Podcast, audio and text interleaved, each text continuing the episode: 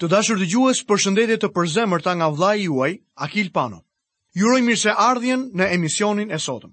Jam me të vërtetë mirënjohës Perëndisë për faktin që sot së bashku do të studiojmë shkrimin e shenjtë, fjalën e Zotit të gjallë, Biblën. Dhe unë ju kujtoj që jemi duke studiuar kapitullin e 6 të librit të Levitikut.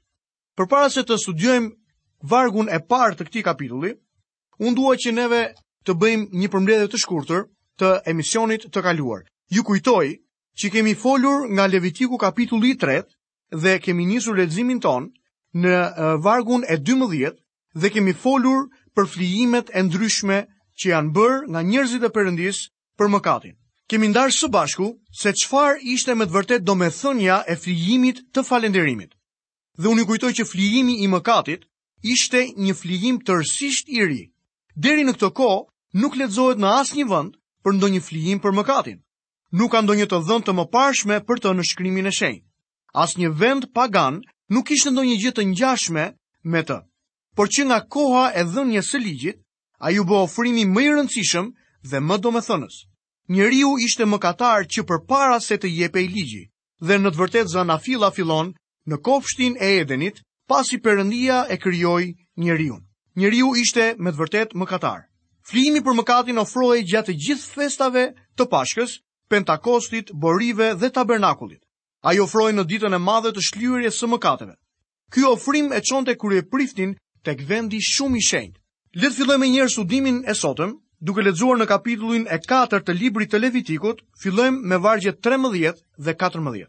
Në rast se gjithë asambleja e Izraelit kryen mëkat nga padituria dhe kjo gjë mbahet e fshehtë nga sytë e asamblesë, ajo ka bërë diçka që Zoti e ka ndaluar të bëhet dhe kështu është bërë fajtore. Kur mëkati i bërë do të bëhet i njohur, asambleja do të ofrojë si fli për mëkatin një dem të vogël dhe do ta çojë përpara çadrës së mbledhjes. Kafsha që do të flijohej për të gjithë asamblenë ishte e njëjtë me atë të priftit. Një dem i vogël ishte kafsha më e vlefshme për ofrimin. Siç e shikoni, kryeprifti përfaqësonte të gjithë asamblenë përpara Perëndisë, kështu që kërkesa ishte e njëjtë. Mendoj se këtu gjejmë një mësim tjetër. Përpara Perëndisë nuk ka vetëm përgjegjësi individuale, por edhe të përbashkët. Perëndia gjykon kombe dhe shumë njerëz që edhe pse nuk kanë marrë pjesë në mëkatin e kombit, gjykohen së bashku me të. Perëndia gjykon kisha dhe asamble lokale në të njëjtën mënyrë. Dëgjoj njerëz që thonë se do të qëndrojnë në një kishë liberale dhe do të përpiqen t'i dëshmojnë asaj. Ku e gjejnë këta njerëz këtë ide, unë nuk e kuptoj. nuk gjendet në fjalën e Perëndisë. Nëse e identifikoni veten me një kishë që nuk mëson të vërtetën nga fjala e Perëndisë, Perëndia do të gjykojë bashkë me atë kishë. Përgjegjësia jote është një përgjegjësi individuale, por sa herë që i bashkohesh diçkaje, hyn nën një përgjegjësi të përbashkët. Kur Zoti i dërgoi mesazhet e tij shtatë kishave të Azisë në librin e Zbulesës, mesazhi ishte për kishat dhe për çdo anëtar të secilës kish në veçanti. Lexoj më poshtë vargun e 15. Pleqtë e asamblesë do të vënë duart e tyre mbi kokën e demit të vogël përpara Zotit. Pastaj demi i vogël do të theret përpara Zotit. Pleqtë përfaqësonin kombin. Po kështu në librin e zbulesës, pleqtë përfaqësojnë gjithashtu edhe kishën. Rituali këtu është i njëjtë me ofrimin e priftit. Nuk do ta përsëris më të njëjtën gjë. Kjo shpjegohet me më shumë hollësi në vargjet 16 deri tek vargu i 21. Le të kalojmë së bashku në vargun e 22 dhe vargun e 23 të kapitullit të 4 të librit të Levitikut dhe të shohim mëkatet e sunduesit. Në rast se një ndër krerët ka kryer një mëkat dhe nga padituria ka bërë një nga gjërat që Zoti, Perëndia i tij, e ka ndaluar të bëhet, duke u bërë pra fajtor, kur ai bëhet i vetëdijshëm për mëkatin që ka kryer, do të çojë si ofertë të tij një cjap mashkull pa të meta. Do të vini re se të gjitha këto grupe të ndryshme duhet të sjellin një ofrim për shkak se janë mëkatarë. Në secilin rast, edhe pse përgjegjësia e tyre është e ndryshme, të gjithë janë fajtorë. Kjo ka të bëjë me një sundues civil. Njerëzit që sundojnë shpesh akuzohen pa të drejtë dhe të tjerëve u pëlqen t'i marrin në përgojë. Ky duhet të jetë faj i vërtetë. Atij i duhet bërë i njohur mëkati dhe pastaj ai do të sjellë ofertën. Përsëri sunduesi ka përgjegjësi. Oferta e tij kishte më pak vlerë se ajo e priftit, ose e të gjithë asamblesë, por kishte më shumë vlerë se një personi të vetëm. Kjo na mëson se sunduesit caktohen nga Perëndia dhe prandaj janë përgjegjës para Perëndisë. Fatkeqësisht politikanët tanë nuk kërkojnë ta kënaqin Perëndinë. Ata gjithmonë përpiqen të kënaqin vetëm njerëzit. I dëgjon ata ndërsa flasin vetëm për zgjedhësit e tyre. Por kështu Perëndia thotë se ata janë përgjegjës para tij. Sunduesi duhej të sillte si ofertë një cjap mashkull pa të meta. Oferta nuk ishte aq e vlefshme sa edhe demi. Rituali dhe procedura për ofertën për sunduesin apo udhëheqësin e popullit është e njëjtë me atë për priftin dhe njerëzit e zakonshëm. Vlera e kafshës që duhet të flijonte tregonte shkallën e përgjegjësisë së tij. Tani le të shohim çështjen e mëkateve të popullit. Lexojmë në vargun e 27. Në rast se dikush nga populli kryen një mëkat nga padituria kundër çfarëdo urdhërimi të Zotit, duke bërë një diçka që nuk duhet të bënte, duke u bërë pra fajtor. Tani bëhet fjalë për njeriun e thjeshtë, individin. Kjo ofertë ishte për një mëkat për shkak të paditurisë, por ishte një mëkat kundër urdhërimit të Zotit. Ishte kundër diçkaje që ndalohej në mënyrë të veçantë. Faji i këtij individi nuk mund të jetë thjesht një thashethem, por duhet të vërtetohet. Përsëri kjo ofertë duhej të largonte kompleksitetin e fajit dhe të kënaqte ndërgjegjen. Vetëm vdekja e Zotit Jezu Krisht mund ta largojë kompleksin shtypës të fajit nga njeriu modern. Procedurat psikologjike nuk kanë qenë në gjendje ta arrijnë atë. Ndërgjegjja e një personi mund të përcëllohet si një hekur i nxehtë dhe ndjenja e fajit kalon nga një fushë në tjetrën, megjithatë, kompleksi i fajit mbetet thellë në zemrën e njeriut. Ai hiqet vetëm kur vjen te Krishti për të marrë faljen e tij. Lexojmë vargun e 28. Kur ai bëhet i vetëdijshëm për mëkatin që ka kryer, do të sjellë si ofertë një dhi femër pa të meta për mëkatin e kryer. Kur më vonë njeriu bëhet i ndërgjegjshëm për mëkatin e tij, ai nuk është më mëkat për shkak të paditurisë, por për të kërkohet i njëjti flijim. Çfarë bën sot një besimtar? Ai ka ardhur te Krishti si një mëkatar i humbur dhe ka pranuar atë si shpëtimtarin dhe Zotin e tij. Më vonë, kur zbulon se ka mëkatuar, ai ia rrëfen mëkatet e tij Perëndisë. Sipas asaj që Gjoni apostull na zbulon në letrën e parë, kapitullin e parë dhe vargun e nëntë. Po t'i rrëfejmë mëkatet tona, ai është besnik dhe i drejtë, që të na falë mëkatet dhe të na pastrojë nga çdo paudhësi. Dhia, si kafshë, ishte oferta me më pak vlerë se çdo ofertë e mëparshme. E megjithatë kërkohej një ofertë. Të gjitha këto oferta të çojnë tek vdekja e Krishtit. Përsëri rituali është i njëjtë për të gjitha klasifikimet e njerëzimit. Pranohej edhe një qengj femër sipas vargut 32 dhe përsëri rituali ishte i njëjtë. Pjesa më e rëndësishme për t'u vënë re është ai do të falet. Në vargjet 31 dhe 35 e shohim këtë varg. E vërteta e rëndësishme është që për mëkatarin sigurohej falje e plotë. Pikërisht kjo u arrit për ne kur vdiq Zoti ynë Jezus në kryq. Apostulli Pal në letrën e drejtuar Efesianëve kapitulli i parë dhe vargu i 7 thotë: Në të cilin kemi shpengimin me anë të gjakut të tij, faljen e mëkateve sipas pasurisë së hirit të tij. Le të shohim më poshtë ligjin e flijimit të mëkatit. Lexojmë tek Levitiku kapitulli i 6, vargjet 24 deri te vargu i 25. Zoti i foli akoma Moisiut, duke thënë, Folu Aronit dhe bijve të tij dhe u thuaj atyre, Ky është ligji i flijimit për mëkatin. Në vendin ku theret holokausti të theret flija për mëkatin përpara Zotit. Kjo është gjë shumë e shenjtë. Vendi për flijimin e mëkatit ishte i njëjtë me atë të holokaustit. Të dy këto i referohen Jezu Krishtit. Lexojmë vargjet 26 dhe 27. Prifti që e ofron për mëkatin do ta hajë. Duhet të hahet në një vend të shenjtë në oborrin e çadrës së mbledhjes. Kushdo që prek mishin e saj bëhet i shenjtë, dhe në qoftë se pak nga gjaku i tij bie mbi një rrobë, ajo duhet të lahet në vend të shenjtë. Flijimi për mëkatin ishte i shenjtë.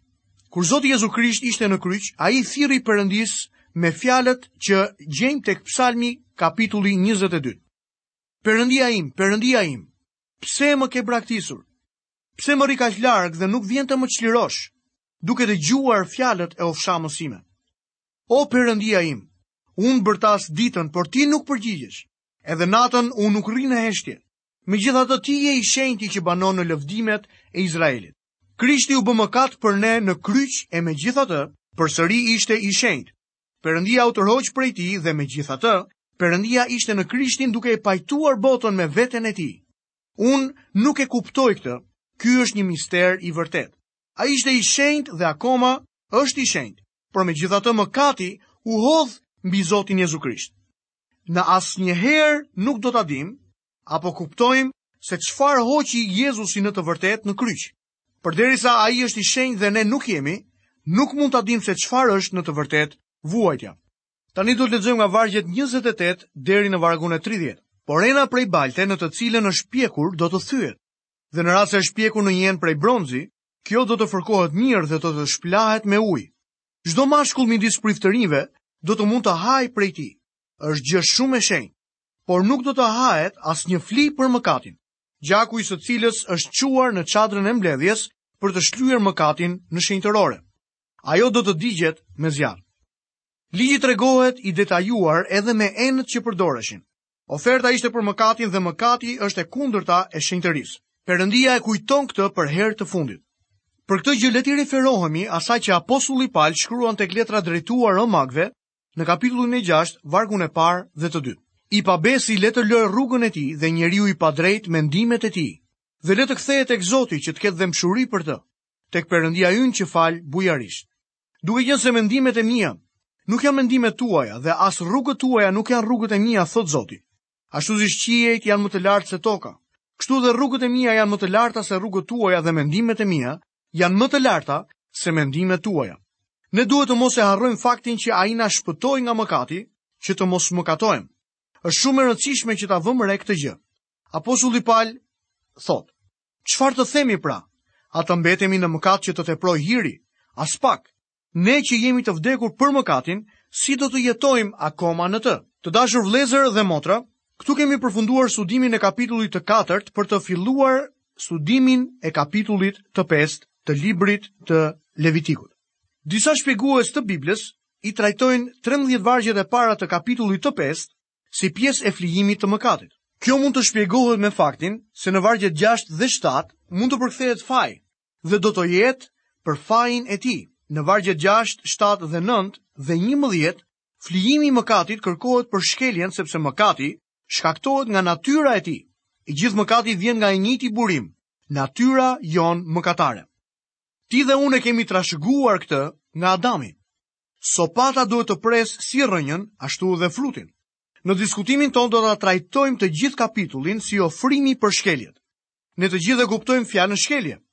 Fjalët mos shkel do të thonë se nuk duhet të pushtojmë të drejtat e të tjerëve. Sot abuzohet shumë me fjalën liri dhe njerëzit e keqpërdorin atë. Shumë njerëz parakalojnë, djegin, shkatërrojnë dhe pastaj flasin për liri. Miku im, ti je i lirë ta vërtitësh grushtin tënd në çdo drejtim që të duash, por liria jote mbaron atje ku fillon hunda ime ose atje ku kufizohet liria e tjetrit. Një shkelje është pushtimi i të drejtave si të Perëndisë ashtu edhe të njeriut. Për shembull, të mos i jepje të dhjetën Perëndisë në Izrael quhej shkelje. Kemi shembullin e Akainit, i cili mori atë gjë që ishte e mallkuar dhe kjo u quajt një shkelje. Asnjëherë nuk duhet të harrojmë se shkeljet tona burojnë nga natyra jonë mëkatare. Njeriu është tërësisht i privuar dhe në të vërtetë nuk ka asnjë lloj aftësie për të njohur Perëndinë. Perëndia e bën të qartë se ai nuk mund dhe nuk do ta pranojë veprën e njerëzve të pashpëtuar për të arritur shpëtimin e tyre. Drejtësia e tyre është si rrobë e ndotur. Ai nuk na shpëton me anë të veprave të drejtësisë, por me anë të hirit të tij. Nuk është e mundur për një njeri të shpëtuar të kënaqë Perëndinë. Tek letra drejtuar Romakëve në kapitullin e 8 dhe vargun e 7, ne shohim. Në fakt, mendja e kontrolluar nga mishi është armiqësi kundër Perëndisë, sepse nuk i nënshtrohet ligjit të Perëndisë dhe as që mundet. Kur Jezusi ishte në këtë tokë, njerëzit fetarë e pyetën, çfarë duhet të bëjmë për të kryer veprat e Perëndisë? Dhe Jezusi iu përgjigj dhe u tha atyre, Kjo është vepra e Perëndisë, të besoni në atë që ai ka dërguar. Apostujt e Zotit u përgjigjën po njëlloj, beso në Zotin Jezu Krisht dhe do të shpëtohesh. Tani le të vështrojmë më poshtë disa akte specifike për mëkatin e kryer nga padituria. Lista e mëkateve të radhitura këtu është një listë që në pamje të parë të lodh, por na jep shembuj të një numri të pakufishëm që mund të përmenden. Këto janë mëkate të personave, jo të të gjithë asamblesë. Pjesa më e madhe e pasazhit trajton ilaçin dhe jo sëmundjen. Kështu zbulojmë se theksi vihet mbi tipin e ofertës dhe jo mbi karakterin e ofruesit, siç ishte tek flijimi i mëkatit. Lexojmë në kapitullin e 5 të librit të Levitikut, vargun e parë. Në qoftë se dikush kryen një mëkat, pasi të jetë betuar botërisht se do të dëshmojë kur ai është dëshmitar, sepse e ka parë faktin ose i është bërë i njohur, po të jetë se nuk kallëzon, do të mbajë fajin. Më lejoni të përsëris se katër mëkatet specifike të radhitura këtu janë thjesht shembuj. Mendoj se dikush mund ta mbushë pjesën tjetër të librit të Levitikut me mëkate specifike, nëse do t'i përmend të gjitha. Një predikues bëri një listë prej 800 mëkatesh specifike për të cilat kishte menduar. Atij i erdhën shumë letra nga njerëzit që kërkonin listën e mëkateve. Ata mendonin se mund të kishte diçka që e kishin harruar, përderisa nuk mund të mendonin për 800 mëkate. Këtu na jepen disa shembuj. Në qoftë se dikush kryen mëkat pasi të jetë betuar. Kjo thënie ka të bëjë me të dëgjuarit e një betimi dhe të qenit dëshmitar. Nëse një dëshmitar ka parë ose di diçka, por nuk e tregon të vërtetën në dëm të tjetrit, atëherë ky është mëkat i të mostreguarit të plotë. Edhe sot ka mëkate të të mostreguarit të së vërtetës në mënyrë të plotë. Disa njerëz vijnë në kishë duke menduar se i kanë duart e tyre të pastra për shkak se nuk kanë vrarë apo nuk kanë vjedhur. Por dëgjoni të dashurit e mi se çfarë thotë Jakobi. Ai pra që di të bëjë të mirën dhe nuk e bën, bën mëkat. Solomoni i lutet Perëndisë në lidhje me këtë çështje. Lutjen e tij e gjejmë tek libri i parë i mbretërve, Në kapitullin e 8, vargje 31 dhe 32. Në qofë se dikush më katon kundër të afërmit të vet, dhe duke qenë i detyruar të betohet, vjen të betohet para altarit tënd në këtë tempull, ti dëgjoje nga qielli, ndërhyj dhe gjyko shërbëtorët e tu. Dëno fajtorin duke bërë që të bjerë mbi kokën e tij, sjellja e tij dhe shpalle të drejtë të pafajshmin duke i dhënë atë që i takon sipas së drejtës së tij. Më lejoni t'ju jap një shembull për këtë. Një grua që merret me thashetheme, kalon në sheshin e qytetit dhe shikon presidentin e bankës duke ecur nëpër rrugë. Sekretarja e tij po largohet gjithashtu nga banka për të ngrënë drekë dhe një makinë e godet ndërsa kalon rrugën. Presidenti i bankës vrapon e merr në krah dhe e çon te doktori. Gruaja vrapon për të marrë në telefon gruan e presidentit dhe i thotë, a e di Mira, pashë burrin tënd me një grua në krah, edhe pse ishte një fakt, kjo nuk është e gjithë e vërteta. Ajo po fsheh një informacion të rëndësishëm. Ky është mëkati i të mostreguarit të plotë të ngjarjes. Isha në një takim me burra të krishterë që po flisnin për pastorin dhe po jepnin të dhëna të sakta. Por nuk ishte e gjithë e vërteta ajo çfarë ata po thonin. Ata tregonin vetëm një pjesë të saj. Nuk po e tregonin të gjithë situatën. Ata po bënin që grupi i burrave të besonin se kishin dëgjuar të gjithë të vërtetën. Mirëpo kjo është shkelje. Është një nga mëkatet më të këqija që mund të kryhet. Vëreni këtu që ai është numri një në paradën e mëkateve të Perëndisë. Në librin e fjalëve të urta, gjejmë një listë gjërash që Perëndia i urren dhe tek njëra prej tyre, ajo që ne shohim është gjuha gënjeshtare. Gjatë pjesës më të madhe të gjykimit të tij, Jezusi ishte i heshtur. Na thuhet se ai e ruajti paqen, por kur u betua, e theu heshtjen. Ai nuk qëndroi më gojkyçur si një dele që nuk bën zë përpara atyre që e therrin. Tek Ungjilli i Mateut, kapitulli 26, vargjet 63 dhe 64, Le të shohim. Dhe kryeprifti vazhdoi duke thënë: Unë po të përbej për Perëndinë e gjallë të na thuash nëse ti je Krishti, biri i Perëndisë. Jezusi i tha: Ti po thua. Madje unë po ju them se në të ardhmen ju do ta shihni birin e njeriut duke ndenjur në të djathtën e pushtetit. dhe duke ardhur mbi retë e qiellit. A e shihni që edhe pse nën betim, ai nuk qëndroi i qetë, por foli për të dëshmuar. Jezusi ynë dha dhe e zbuloi duke e treguar të gjithë të vërtetën. Lexojmë vargun e 2 të kapitullit të 5 të librit të Levitikut. Ose kur dikush prek diçka të papastër, qoftë edhe në mënyrë të pandërgjegjshme, si kërmën e një kafshe të papastër ose kërmën e një kafshe shtëpiake të papastër, apo kërmën e një rrëshqanori të papastër, do të mbetet ai vetë i papastër dhe fajtor. Ky është ligji që ka të bëjë me papastërtinë. Një njeri mund të ndotet kur prek një kafshë të vdekur pa qenë i ndërgjegjshëm për të. Ndërkohë që të tjerët e dëshmojnë këtë gjë. Kërma shkaktonte papastërti po ta prekje. Përse? Ndoshta për arsye shëndetësore. Kjo gjë i flet edhe të krishterëve sot. Nuk mund të jemi në botë dhe të jemi të pastër duke parë, dëgjuar dhe menduar gjërat që janë rreth nesh dhe na rrethojnë. Ne jemi të papastër. Madje, mund edhe të mos e kuptojmë që kemi prekur gjëra të papastra. Mund të jetë e fshehur, kështu që nuk jemi të vetëdijshëm për të. Por nuk na duhet të shkojmë në praninë e Perëndisë derisa të pastrohemi. Ja përse psalmisti thotë: Kush i njeh gabimet e tij? Pastromë nga ato që nuk i njoh. Ne jo vetëm që duhet t'i lutemi Perëndisë për falje në përgjithësi, por duhet t'ia përmendim Perëndisë dështimet tona specifike dhe t'i kërkojmë atij falje. Por më shumë se kaq, duhet të lutemi për faljen e mëkateve për të cilat nuk jemi të vetëdijshëm. Ndonjëherë jemi të papastër, pa e kuptuar as edhe vetë. Të dashur dëgjues, këtu kemi mbërritur dhe në fundin e emisionit të sotëm. Por përpara se të largohemi, unë dua t'ju kujtoj për sigurinë që kemi në gjakun e Jezusit. Fjala e Zotit na tregon qartë që gjaku i Jezusit u derdh për të na pastruar mëkatet e së shkuarës, së tashmes dhe të së ardhmes.